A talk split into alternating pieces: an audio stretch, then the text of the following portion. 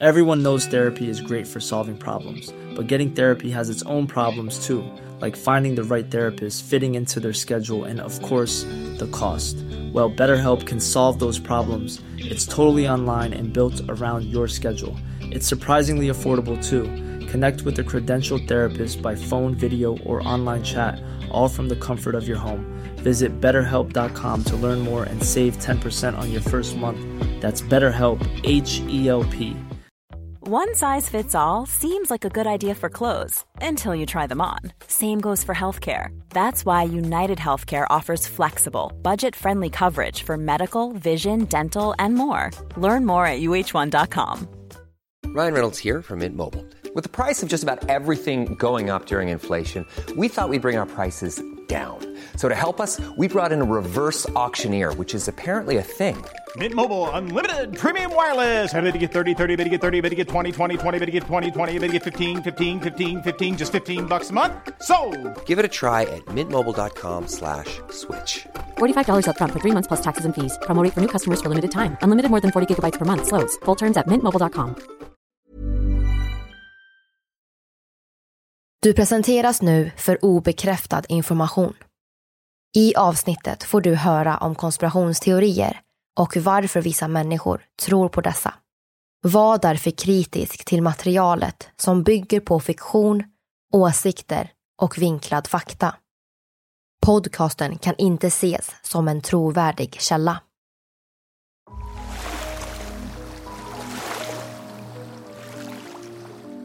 När solens strålar sjunker ner bakom de höga bergstopparna vaknar Baikalsjöns dolda hemligheter till liv. Mörkret tätnar och månens spöklika sken kastar ljus över det mörka vattnet. Under ytan sveper skuggor av långsmala varelser förbi. Vinden susar genom träden och för med sig ljudet av stora drakliknande vingar. I den stjärnklara natten skymtas konstiga ljusfenomen och gåtfulla objekt. Det här är konspirationsteorier.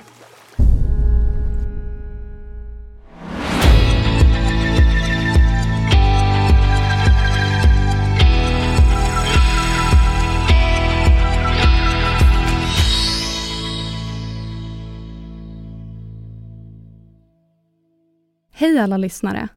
Innan avsnittet börjar så vill vi berätta att vi har skaffat Patreon. Och precis som vanligt så heter vi konspirationsteorier. Framöver så kommer vi att erbjuda försläpp och man kommer även kunna ta del av helt exklusiva avsnitt. Så håll utkik på Patreon framöver. Och sist men inte minst så har vi även skaffat en Youtube och precis som vanligt så heter vi konspirationsteorier. Där kommer vi att ladda upp vissa av våra poddavsnitt, men med bilder, så att ni enkelt kan följa med i alla olika berättelser. Första videon om tidsresenärer finns ute nu, så följ länken i avsnittsbeskrivningen eller så klickar ni in på våra sociala medier så hittar ni den där. Nu börjar avsnittet.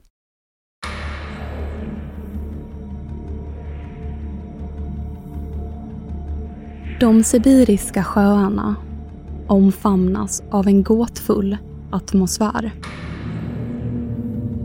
Djupt nere i de mörka vattnen uppenbaras en mystisk värld och en portal till det okända. Bland dessa hemlighetsfulla platser är få lika förtrollande som Baikalsjön. Det är lätt att förstå varför.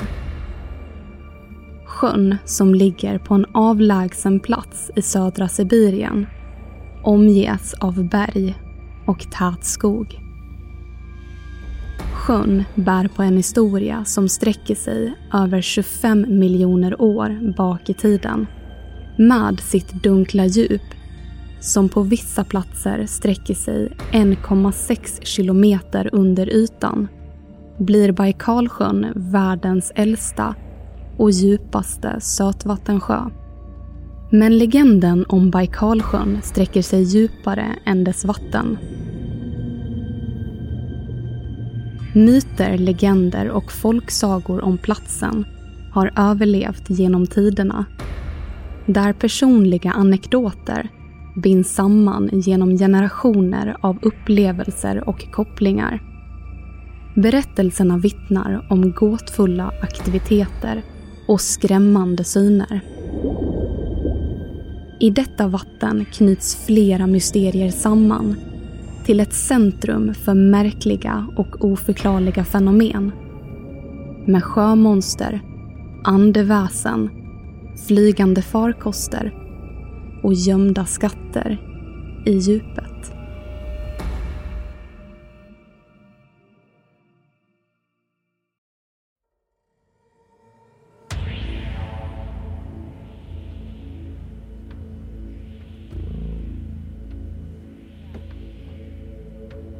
Av Baikalsjöns stora mysterier inträffar 1958 när en rysk pilot ser ut över de täta skogarna från en Tupolev Tu-154 och sveps in i en övernaturlig händelse. Plötsligt dyker det upp något framför planet som han aldrig stött på tidigare. Tystnaden bryts av en nervös röst från kontrolltornet som ger order att piloten ska närma sig och identifiera objektet. Planet, som vanligtvis utför militära transporter, är långt ifrån utrustad för denna typ av uppgift. När planet närmar sig det okända objektet sprakar radion med oförklarliga ljud.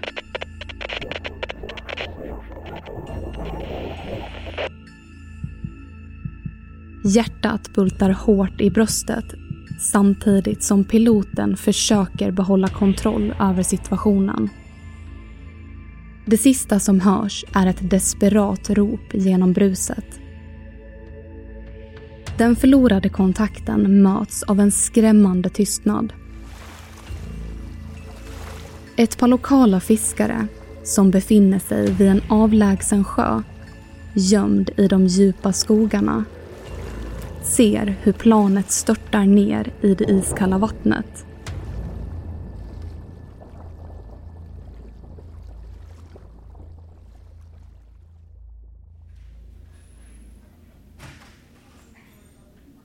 Några dagar senare hörs deras vittnesmål om kraschen och om ett märkligt flygande objekt som susar förbi sjön och försvinner lika snabbt. Vittnesmålen tystnar snabbt när representanter från KGB besöker kontrolltornet. Alla tvingas underteckna ett sekretessavtal och sanningen om händelsen tynar bort. Inlåst bland hemliga filer och svaga minnen. Den tragiska händelsen följs upp med undersökningar där forskare, dykare och specialenheter söker efter tecken som bekräftar händelseförloppet. Men ingenting hittas som avslöjar sanningen bakom Tupolev 154s tragiska öde. Men precis som med andra sägner förlorar även denna historia sin kraft över tiden när den försvinner i skuggorna av andra händelser. Men under åren som följer verkar platsen vakna till liv. Den avlägsna sjön, gömd i de djupa skogarna, omges av fler mysterier och frågetecken. Då och då rör sig ett snabbt ljusfenomen över himlen. I det mörka vattnet rör sig stora skuggor Lokalbor upplever att sjön viskar om nätterna. Det fruktas att sjöns andar har vaknat.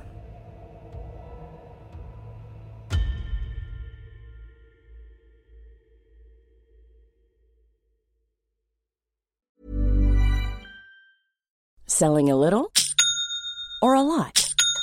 Shopify helps you do your thing however you cha-ching. Shopify is the global commerce platform that helps you sell at every stage of your business. From the launch your online shop stage to the first real life store stage, all the way to the did we just hit a million orders stage. Shopify is there to help you grow. Shopify helps you turn browsers into buyers with the internet's best converting checkout. 36% better on average compared to other leading commerce platforms because businesses that grow grow with Shopify. Get a $1 per month trial period at shopify.com/work. shopify.com/work.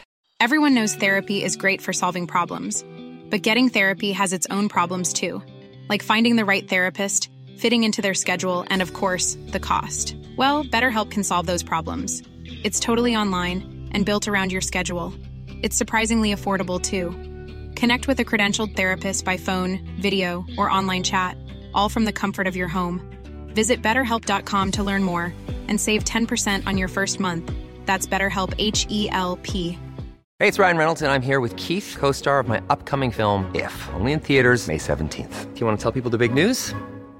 All right, I'll do it. Sign up now and you'll get unlimited for $15 a month in six months of Paramount Plus Essential Plan on us. Mintmobile.com slash switch. Upfront payment of $45 equivalent to $15 per month. Unlimited over 40 gigabytes per month. Face lower speeds. Videos at 480p. Active Mint customers by 531.24 get six months of Paramount Plus Essential Plan. Auto renews after six months. Offer ends May 31st, 2024. Separate Paramount Plus registration required. Terms and conditions apply if rated PG.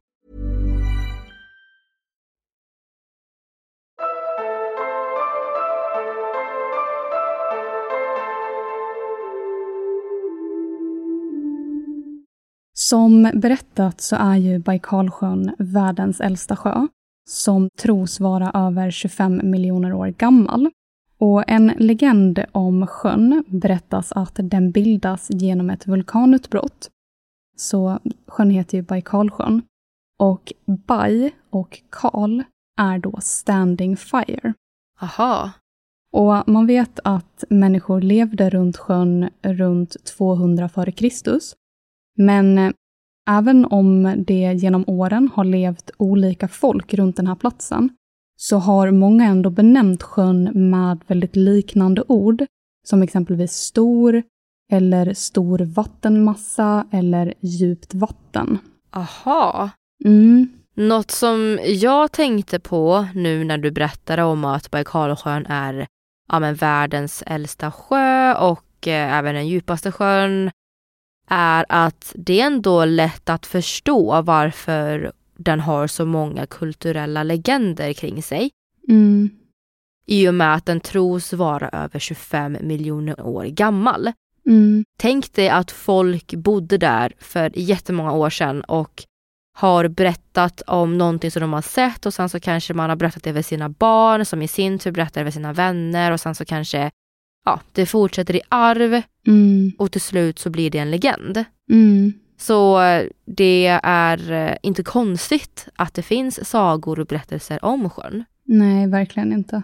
Nej, och något som jag funderar på är hur många arter som har lyckats överleva i sjön under dessa miljoner år. Det finns faktiskt en art som är lite extra känd. Och det är baikalsälen. Mm. Men eh, av de kända arterna i sjön då, så är 93 procent unika för just Baikalsjön. Sen så finns det även arter som lever i sjöns djupaste delar. Och det är för att de arterna har lyckats anpassa sig till de förändrade förhållandena som har varit för att sjön har ökat sitt djup långsamt. Ah, okej. För det jag också tänkte på är att det känns ändå på ett sätt osannolikt att vi har upptäckt alla djur som lever i Baikalsjön. Mm. För den är ju så pass djup och så pass gammal. Det jag tycker är så spännande med Baikalsjön är ju att de här frågorna kring ja, men vad för djur är det som finns där, att det bidrar till en aura av mystik och hemligheter kring sjön. För man går ju runt och tänker så här, men vad för varelser kan det finnas där nere? Mm. Tänk om det finns jättevarelser som gömmer sig långt nere i djupet som i filmen Atlantis, där vägen till den förlorade stan vaktas av Leviatan. Ja, just det. Det är ju väldigt intressant när det kommer till varelser, för att det finns ju väldigt mycket legender kring sjömonster Mm. till den här sjön också. Mm. Men det finns faktiskt en annan legend om hur sjön bildas, som jag tycker är lite intressant. Mm. Okej. Och den handlar då om en jätte som skapar den här sjön för att glädja sitt folk, men framförallt för att visa kärlek åt en kvinna som han då vill ge något vackert till. Och det här påminner mig om eh, när vi berättade om att Poseidon Ja, skulle bygga något vackert åt sin kvinna i avsnitten om Atlantis. men den här är väl kanske lite finare än så då, för att han gräver då en stor grop och fyller den med sitt eget blod. Oj. Så enligt den här berättelsen så dör jätten i processen. Och det är då hans tårar som formar Angarafloden. Och den här floden är en av Sibiriens största floder och det är den enda som mynnar ut från sjön. Okej, ja jag vet inte om den är vackrare. Den är ju rätt hemsk i och med att han dog.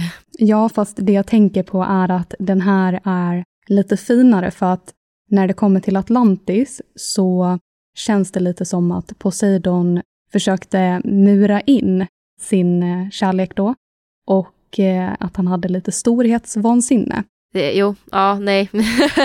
ja, nej, jag hänger definitivt med vad du menar där. Och någonting jag tänkte på när du berättade om att han var en jätte och hur sjön skapades Mm. är att det finns ju teorier om att jättar faktiskt har funnits och det finns ju även lertavlor där man ser varelser som är större än sig själv. Mm. Det skulle vara ganska intressant faktiskt att eh, ta upp ett avsnitt om jättar, tror jag. Jag eh, vet inte hur just den här legenden fortsätter. Nej. Men eh, en spontan tanke är ju att Baikalsjön är ju omgivet av berg. Ja. Så att man kanske skulle kunna tänka då att hans blod, eller han gräver gropen och fyller den med sitt blod.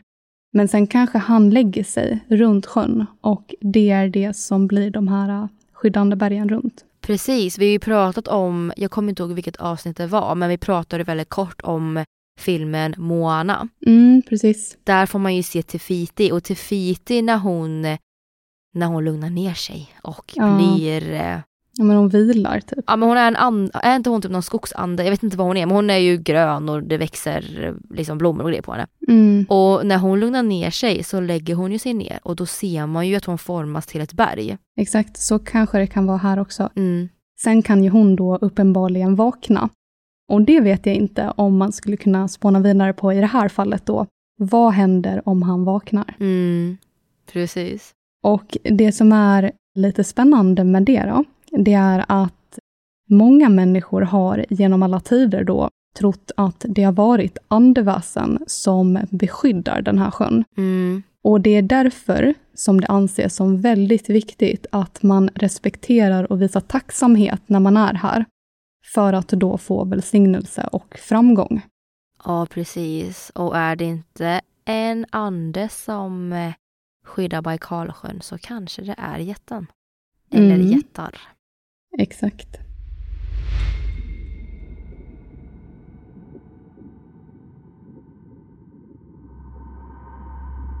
Baikalsjön är en hemlighetsfull plats.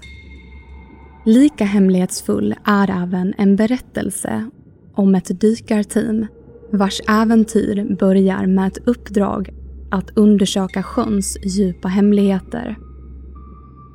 I det kalla vattnet, på bara 50 meters djup, får dykarna se något förbryllande. En varelse. Vid första anblick liknar den en människa. Men dykarna inser snabbt att det inte stämmer.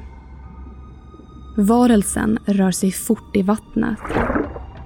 Den är silverfärgad, omkring tre meter lång och smal och rör sig med en otrolig hastighet genom vattnet med något som liknar en hjälm över huvudet. Det är ingen dykare, ingen människa. Dessa varelser kallas idag för humanoida varelser eller Lake Baikal Swimmers.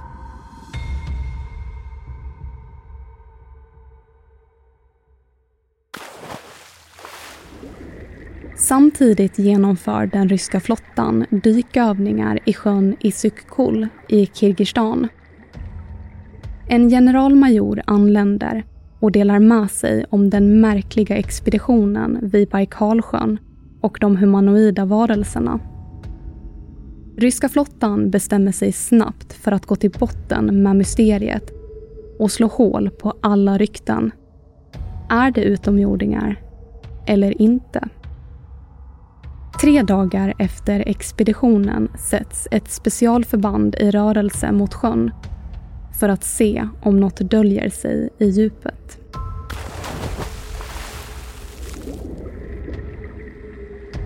Sju dykare ger sig ner i det okända djupet. Ett supportteam med sjukvårdare, båtförare och radiooperatörer väntar nervöst kvar på båten. Målet är att dykarna ska nå en djupare punkt än tidigare. Ner till 57 meter. Ett område som aldrig tidigare utforskats. Dykarna når 40 meters djup. 45 meter. 50. Vid 55 meters djup börjar vattnet plötsligt vibrera. Damm virvlar omkring och gör det svårt att se. Men en dykare ser något som rör sig i det dunkla djupet. En varelse som försvinner lika snabbt igen. Dykaren, som inte förstår vad som simmat förbi, försöker försiktigt närma sig. Varelsen svarar omedelbart. Det är som en osynlig, överväldigande kraft slår till och dykarna slungas genom vattnet.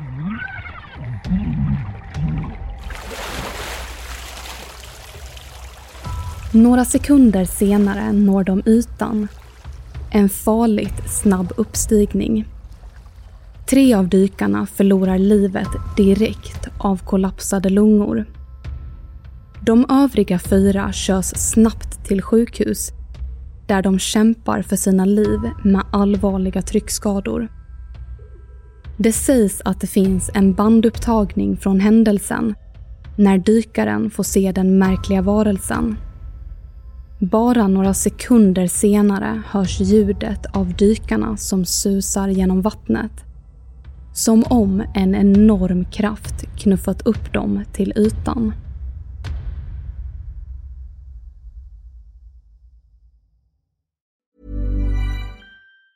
Planning for your next trip? Elevate your travel style with Quince. Quince has all the jet setting essentials you'll want for your next getaway, like European linen, premium luggage options, buttery soft Italian leather bags, and so much more. And it's all priced at 50 to 80% less than similar brands. Plus, Quince only works with factories that use safe and ethical manufacturing practices. Pack your bags with high-quality essentials you'll be wearing for vacations to come with Quince. Go to quince.com slash trip for free shipping and 365-day returns. Hi, I'm Daniel, founder of Pretty Litter. Cats and cat owners deserve better than any old-fashioned litter. That's why I teamed up with scientists and veterinarians to create Pretty Litter. Its innovative crystal formula has superior odor control and weighs up to 80% less than clay litter.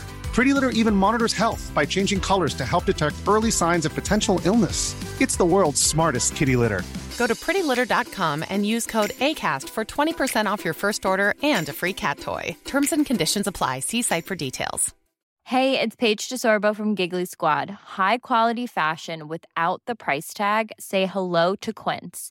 I'm snagging high end essentials like cozy cashmere sweaters, sleek leather jackets, fine jewelry, and so much more. With Quince being 50 to 80% less than similar brands. And they partner with factories that prioritize safe, ethical, and responsible manufacturing. I love that. Luxury quality within reach. Go to quince.com slash style to get free shipping and 365 day returns on your next order. Quince.com slash style.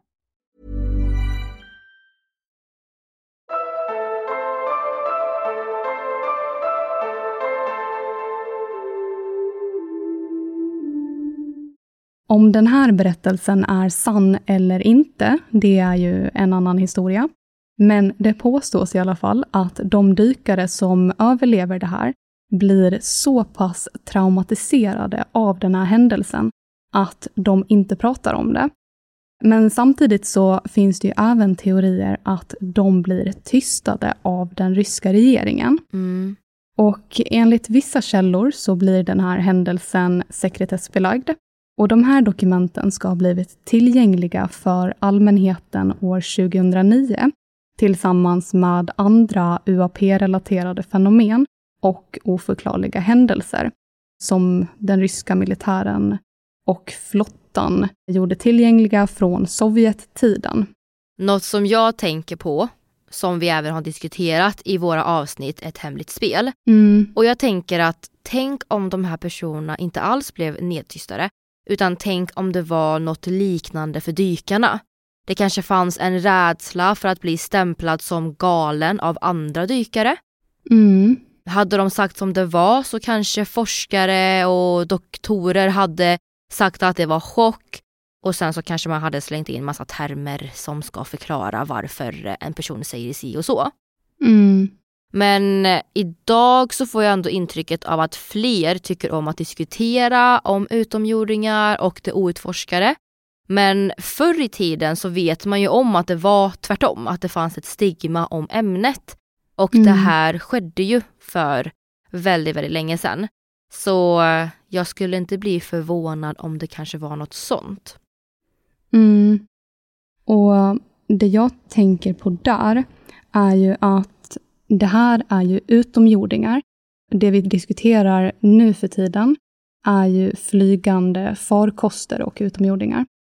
Men eh, det här handlar ju om vatten, det vill säga oförklarliga fenomen som sker under ytan. Mm. Och där får inte jag känslan att vi har inte riktigt kommit dit än att alla vill överväga det här. Nej. För att om vi tänker på tiden som det har tagit att då potentiellt acceptera utomjordingar, så är ju det ändå sedan 40-talet. Mm. För Roswell-incidenten var ju en konspirationsteori hur länge som helst.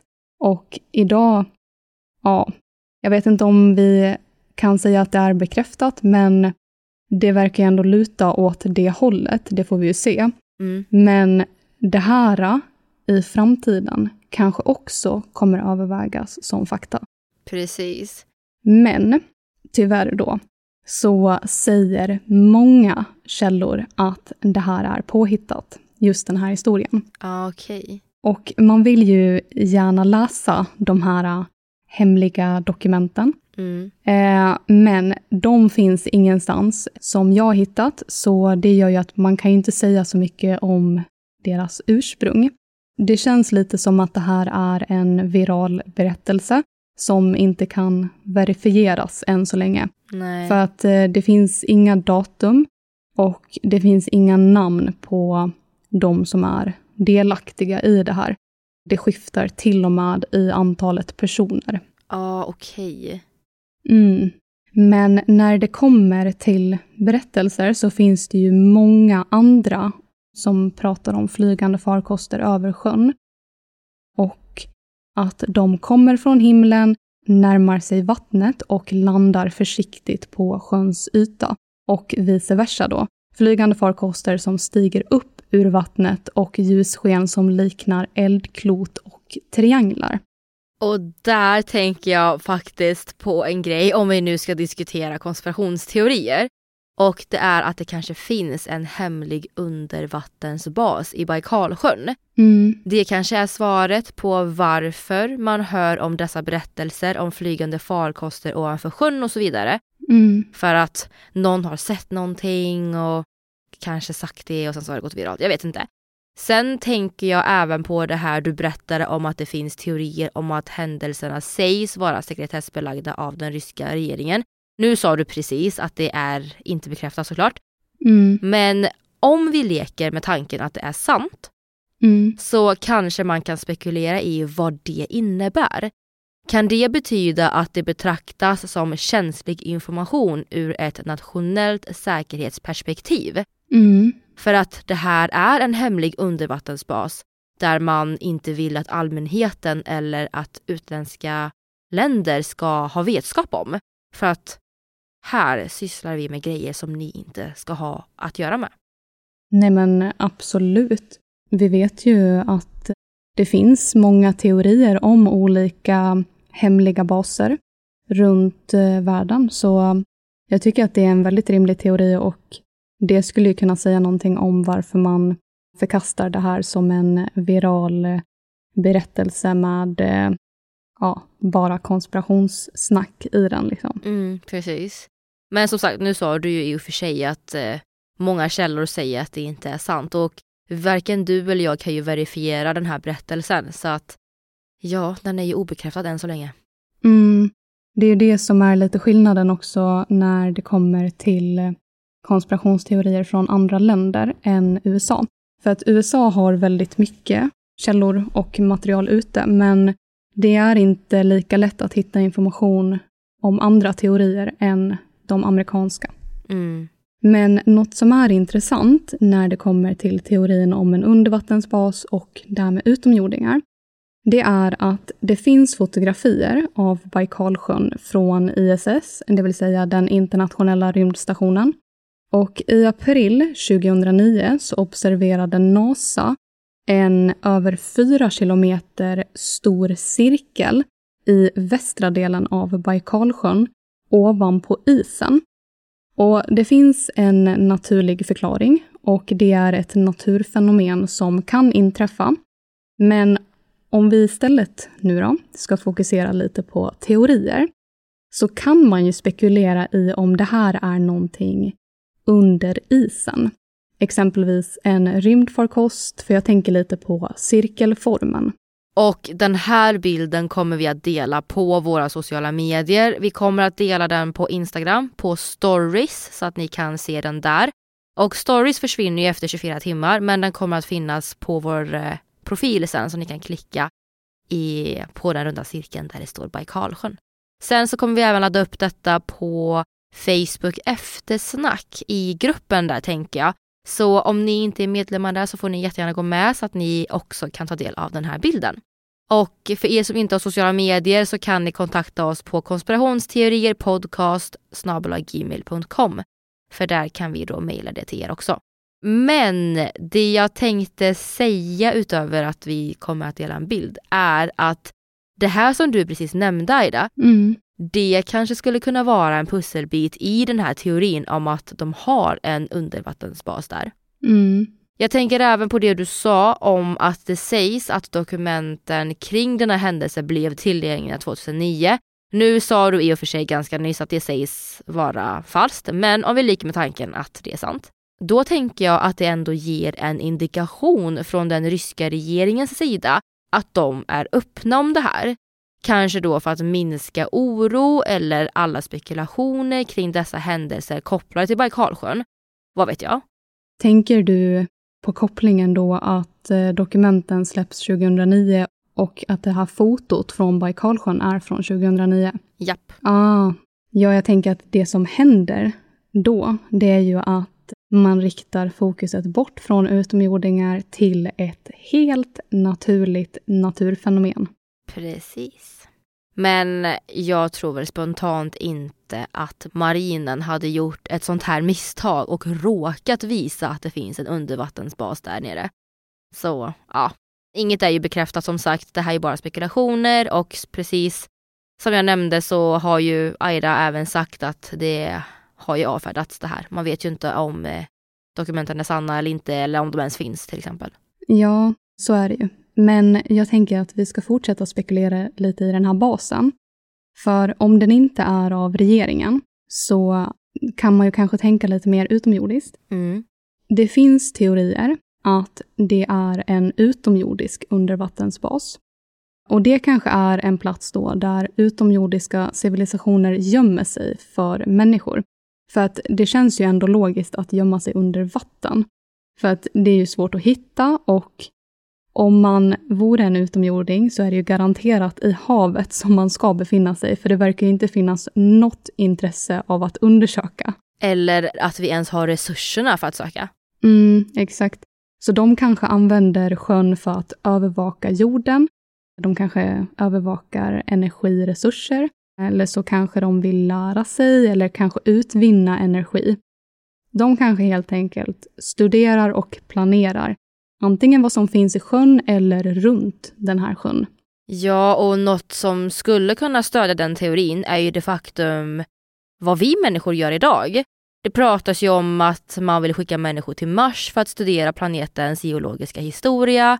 Så om vi människor pratar om att kolonisera Mars, varför skulle det då inte kunna vara tvärtom? Mm. Att utomjordiska vetenskapsmän är här för att ta prover och undersöker jordens ekosystem och miljö för att de kanske ska kolonisera planeten. Mm, exakt. Och eh, om man ska återgå lite till den här berättelsen Mm. så påstås det ju att dykarna inte ser en utomjordisk farkost, men det påstås att de ser en utomjordisk varelse. Mm. Och om vi bortser från berättelsen så vet vi ju att Baikalsjön är världens äldsta sötvattensjö.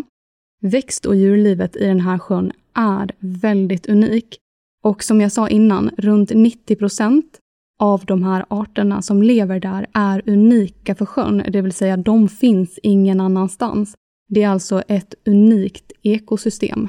Och då kan man ju ställa sig frågan om det kan vara en jordisk varelse som kanske bor där eller kan det vara en breakaway civilisation, det vill säga en avancerad mänsklig civilisation? Till exempel samma civilisation som byggde pyramiderna eller Atlantis som lever där och observerar oss. Eller observerar klimatet i Baikalsjön, vad vet jag? Mm. Vem vet, det kan ju vara något sånt, att vi människor i princip spionerar på oss själva. Ja, Jag tänker att det kanske finns folk som överlevde syndafloden ja men exakt. och bosatte sig i Baikalsjön. Kanske hittade något sätt att eh, klara sig, vad vet jag? Jag tänker att ehm, alltså om man googlar bilder på vilka olika fiskarter det finns i haven så tappar man ju nästan hakan över hur de ser ut. Precis. Det ser i princip ut som en utomjordisk varelse. Ja, det ser jättegalet ut. Ja, och det finns ju faktiskt på jorden. Ja. Så att det är kanske inte en orimlig tanke. Nu när vi säger utomjordisk varelse så är det ju också, det kan även vara en jordisk varelse. Men vem vet om den har börjat forma ett intelligent tänkande? Och om den har format ett intelligent tänkande så lär ju inte vi veta om det. Nej, exakt. Men vad tror ni lyssnare? Tror ni att historien om dykarna är sann? Och tror ni att det lever någon utomjordisk varelse under vattnet? Frågan kommer att komma upp på Spotify per automatik så där kan ni svara. Och för er som lyssnar på andra plattformar så kan ni ju jättegärna svara i era poddappar. Vi kommer även att lägga upp frågan i konspirationsteorier eftersnack på Facebook. Så för er som inte är medlemmar så får ni jättegärna gå med så att ni kan svara på frågan där. Och på måndag nästa vecka kommer vi att diskutera ännu mer om Baikalsjön. Det vill säga, tror ni att tsarfamiljens guld ligger i Baikalsjön? Vi pratar om att Baikalsjön kanske är bottenlös, sjömonster och massa olika konspirationsteorier om platsen. Så missa inte nästa avsnitt som kommer ut nästa vecka på måndag. Och innan vi avslutar så vill vi återigen bara säga att vi ska ha en livepodd. Det är ju första gången vi ska göra det och det är den 23 mars i Linghem utanför Linköping. Biljetterna finns ute nu på biletto.se. Och vi har fått lite frågor om det här kommer att filmas eller spelas in och släppas senare. Och vi är inte helt säkra på det. Så missa inte den här upplevelsen. Köp biljett och kom dit och träffa oss och lyssna och prata om konspirationsteorier och utomjordingar den 23 mars. Det kommer bli super, super roligt. Jag hoppas att vi ses och nästa vecka så ska vi prata mer om Baikalsjön. Jajamän. Vi hörs då. Hej då! Hej då!